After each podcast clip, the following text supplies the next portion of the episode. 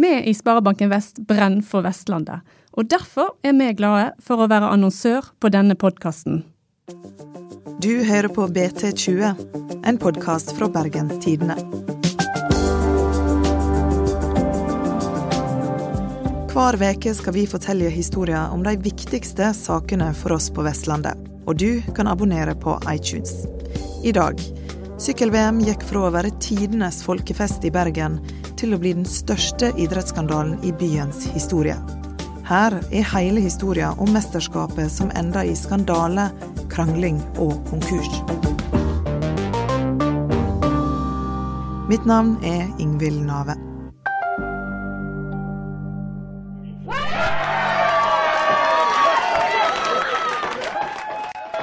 Bergen er tildelt VM i sykling i 2017.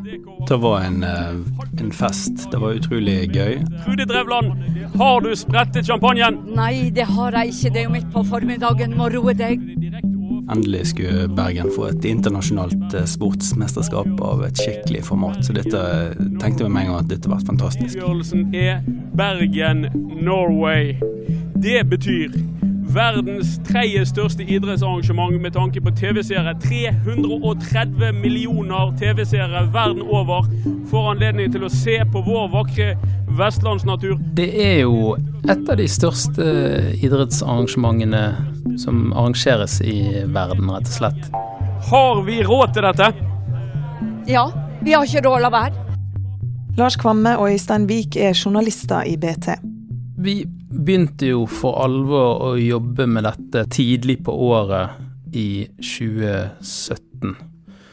Og eh, noe av det første som vi gjorde da, var å prøve å få en oversikt over hvordan det så til med økonomien. Og vi hadde jo nettopp vært gjennom en, eh, en krevende fase med, fall i oljeprisen, og det var mye nedbemanninger. Det det var ikke en sånn jubelperiode i, i det vestlandske næringslivet akkurat. Hva var grunnen til at Bergen ville ha sykkel-VM?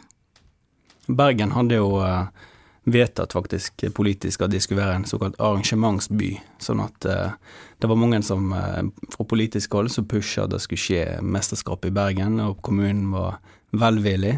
Men så var det utløst av en liten gjeng med sykkelentusiaster som så et, et sykkel-VM, og han ene Steinar Remme han har en sønn som var med i det sykkel-VM-et, som ble en slags inspirasjon noen år tidligere, og tenkte at dette må vi bare få til i Bergen. Sykkelpresident Harald Tidemann Hansen er en viktig del av historien. Han er tidligere syklist og har hatt høye stillinger i sykkelverden i årevis. Så ble han president for sykkel-VM i Bergen. Og så Kort om økonomien. Det er 156,4 millioner i budsjett for dette mesterskapet. Hvordan får dere inn de midlene som trengs? Ja, Vi har allerede begynt å jobbe med Vi har hatt kontakt med mange sponsorer, og vi merker en veldig stor interesse for dette VM. Så foreløpig så har jeg en veldig god følelse for akkurat det. Hva var de første tegna på at økonomien svikta? Arrangørene her i Bergen skulle betale en avgift på 7 millioner euro for å arrangere sykkel-VM. Da de ble tildelt mesterskapet, så sikret de ikke de valutaen. Det kunne de ha gjort. Du kan sammenligne med å ha en fast rente på boliglånet ditt. Altså du, du, vet at ikke du nødvendigvis får den aller beste renten, men du, men du vet iallfall hva du skal ut med. sånn Det går an å planlegge rundt det. Men det var noe vi stusset litt på og tenkte det eh, vitner om at de kanskje ikke har eh, ja, Når de ikke er sikret det, hva annet kan det på en måte være som de ikke har helt hatt oversikten over? Så kan du stille spørsmål om hvorfor de i det hele tatt må betale opp mot 70 millioner kroner for å få lov til å arrangere VM. Hvorfor er det egentlig sånn? Nei, altså dette varierer litt fra idrett til idrett, eh, og det handler litt om eh, om det er kjøpersmarked eller selgersmarked, for å dra den sammenligningen. Og det er sånn at mange vil ha sykkel-VM. Det er et gjevt arrangement å få lov å arrangere. Og så henger det òg litt i sammen med at Det internasjonale sykkelforbundet egentlig har veldig få inntekter utenom sykkel-VM. De har ikke noe verdenscup eller noe sånt, så de må ha inn penger. Hva andre tegn på sprekker i fasaden på økonomien er det som dukker opp etter hvert? Vi var jo litt spent på hvordan det hadde gått, spesielt med det å få inn sponsorer. Og der viste det jo seg at de lå eh, et godt stykke bak eh, budsjett. Men vi vet jo at det var et såkalt 100-dagersmøte, eh, 100 dager da, før oppstart av VM, med en av de viktigste samarbeidspartnerne, Possibility, et selskap som gikk konkurs til slutt. Som driver mye sånn, eller drev med mye eventsorganisering i Bergen. Da hadde de et uh, møte 100 dager før VM der de slo alarm og sa at uh, det er skikkelig salgssvikt når det gjaldt uh, inntekter fra, fra publikumssida, eller fra VIP-sida spesielt. da. Sånn at det var en del indikatorer på sommeren der som gjorde at folk i VM skjønte at inntektene ikke ble det de trodde de skulle være. Etter måneder med bekymring over dårlig økonomi, var alle regninger glemt da folkefesten sykkel-VM ble fyrt i gang. For er det én ting bergenserne kan, så er det folkefest. Dette er jo eh, Altså, dette er målløs, jeg. Dette er det drøyeste jeg har sett i Bergen noen gang. Hvordan vil dere beskrive sykkel-VM, selve arrangementet? Alt klaffa også de hadde prøvd på. For eh, høydepunktene i VM er jo de to eh, øvelsene for menn elite. Og den ene var jo denne tempoen opp Fløyen, der de håpte å få litt sånn Tour de France-stemning opp gjennom Fløyen. Og med det været som ble, eh, og den løypa de hadde, så skapte dramatikk så ble det liksom da bare helt perfekt. Det var skikkelig folkeliv der, og til og med uten at det ble uh, uanstendig, sånn som i Holmenkollen. Jeg har vært på ski-VM i Oslo og OL på Lillehammer, og dette topper det. Helt klart. Og det er once in a lifetime. Altså, det er jo ikke til å komme utenom at det var en gedigen suksess. Altså, hvis man eh, legger økonomien litt til side for et øyeblikk. Det var jo det var jo et helt fantastisk arrangement. Det er helt utrolig. Det er fantastisk. Helt konge. Og så var jo de veldig heldige med været. Det, det er jo en del av historien. Men allerede før sykkel-VM er over, så dukker jo da dette spørsmålet om økonomien opp igjen. Lørdagen før eh, siste fellesstart så var det en bankett i Håkonshallen, eh, der eh, de fleste viktige personer rundt eh, avviklingen av sykkel-VM var til stede, og blant annet mange som nå er kreditorer, altså folk som hadde vært med og levert varer til VM. Eh, og ja, kreditorer som, eh, som, jeg og Lars har snakket med, har fortalt oss at eh, de faktisk de, de skjønte jo ut fra avvik, hvordan avviklingen hadde vært, at her er det sannsynligvis ikke penger til å betale alt. Så derfor spurte de de ansvarlige for sykkel-VM kommer til å få pengene våre. og da den gjengse historiefortellinga fra den banketten er at en ble løvd ja, det skal få fullt oppgjør. Fikk dere når de første dagene etter sykkel-VM vite noe om økonomien?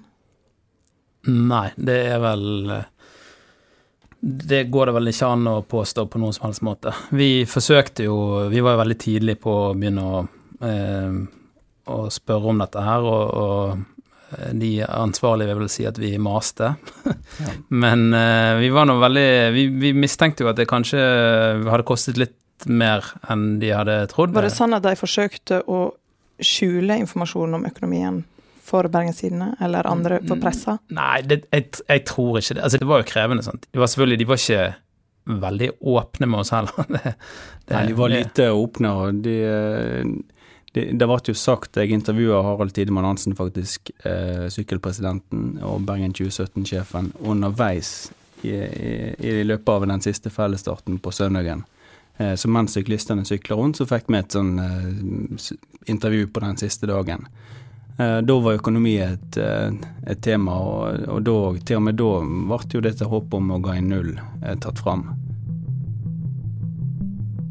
Men en måned etter sykkel-VM var det ikke lenger snakk om å gå i null. En visste det kom røde tall. Likevel sa arrangementssjef Helge Stormoen at bedriftene som hadde jobba for sykkel-VM, skulle få pengene sine. Vi fikk festen. Kanskje det ble litt dyrere enn det vi hadde håpet på. Men uh, vi får nå gå rundt og så får vi se hva eventuelt sprekk blir.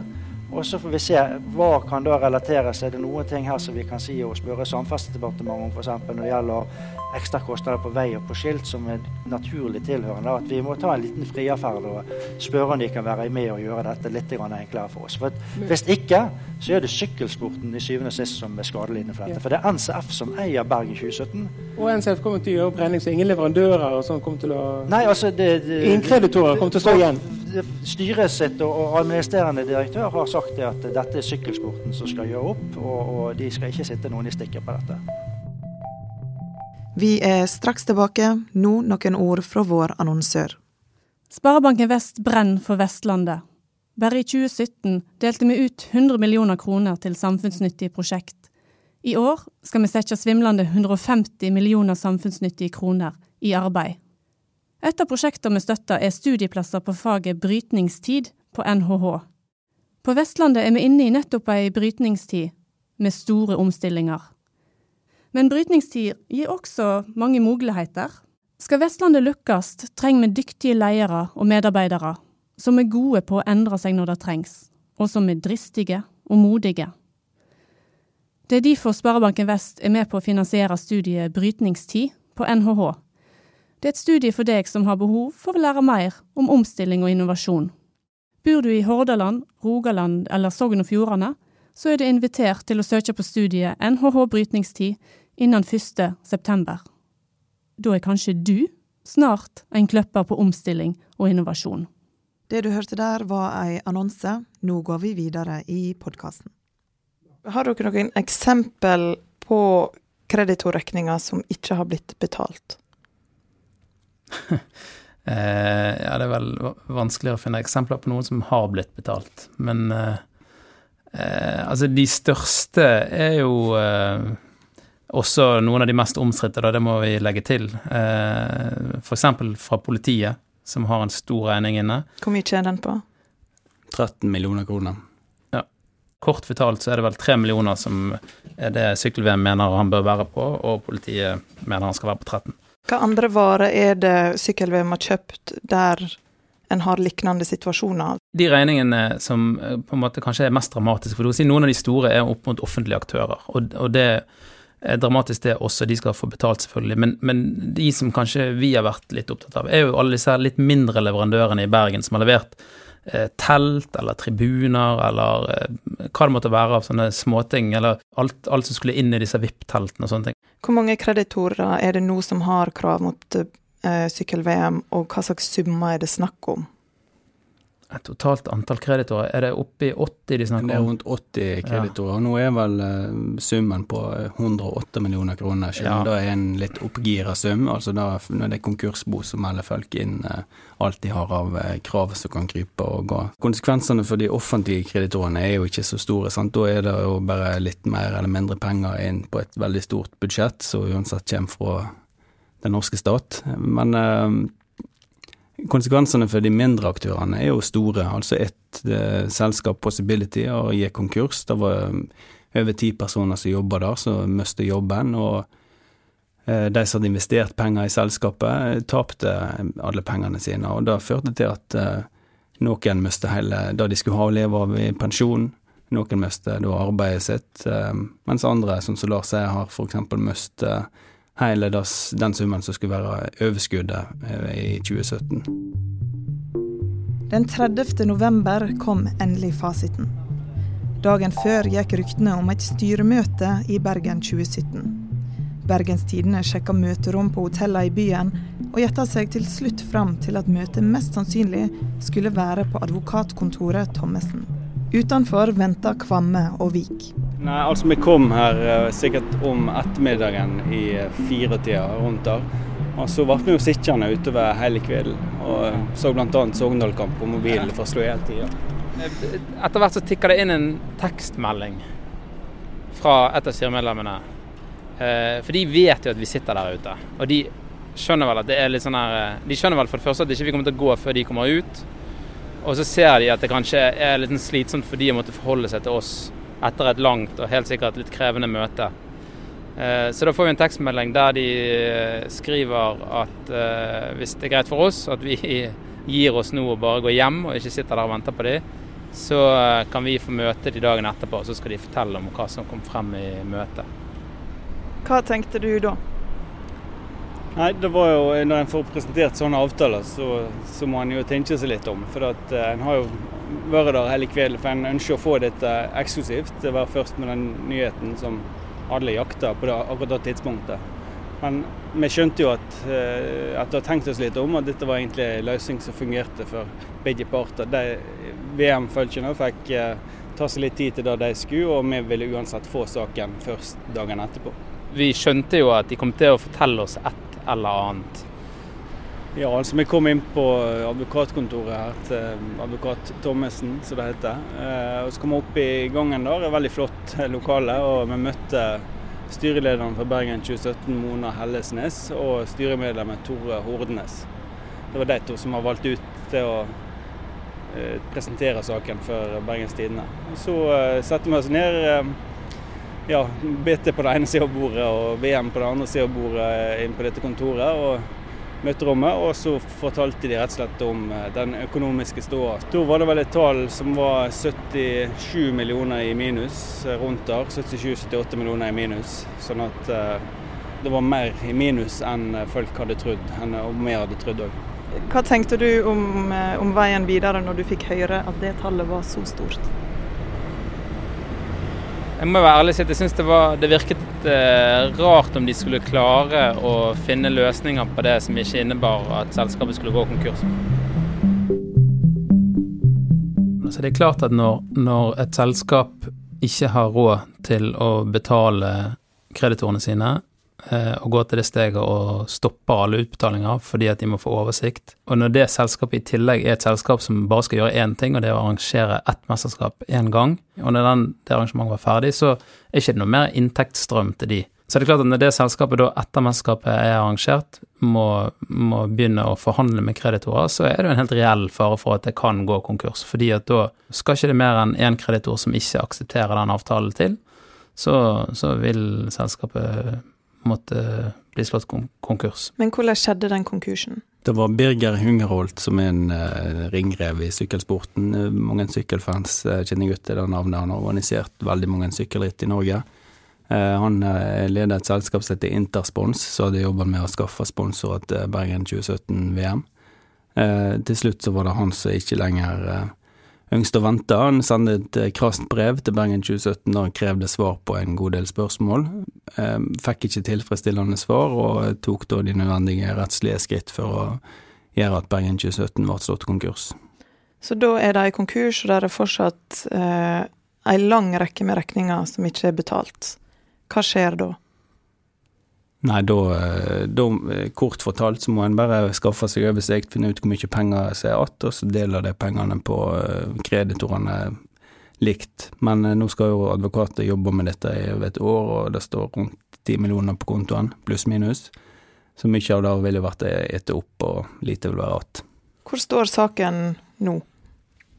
Kanskje mest spennende og viktige som kan komme ut av den prosessen som pågår nå er jo om det har vært eh, dokumentert at eh, sykkel-VM har, eh, har handla for kreditors regning, så det heter. Og det betyr at sykkel-VM at en har kjøpt inn vare på et tidspunkt der en visste eller burde visst at en ikke hadde penger til å betale for seg. Og det er kort fortalt ulovlig, og kan gjøre at styremedlemmene kan komme i straffansvar.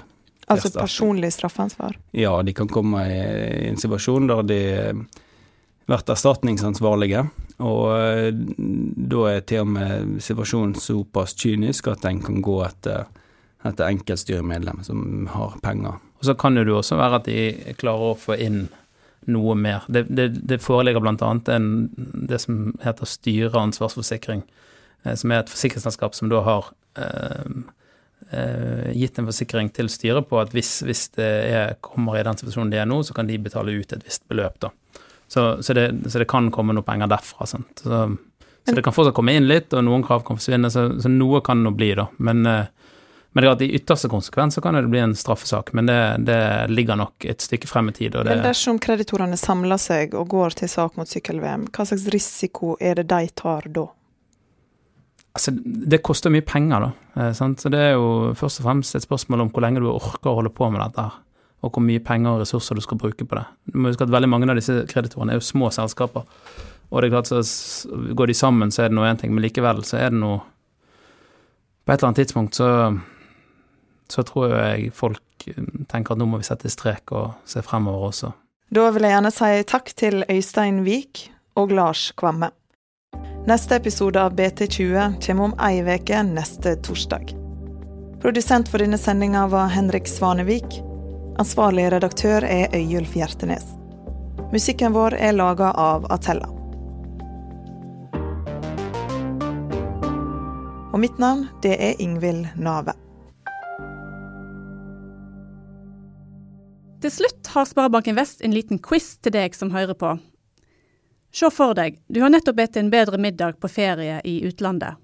Regninga kommer, og du skal betale. Hva valuta velger du når du skal betale med kort?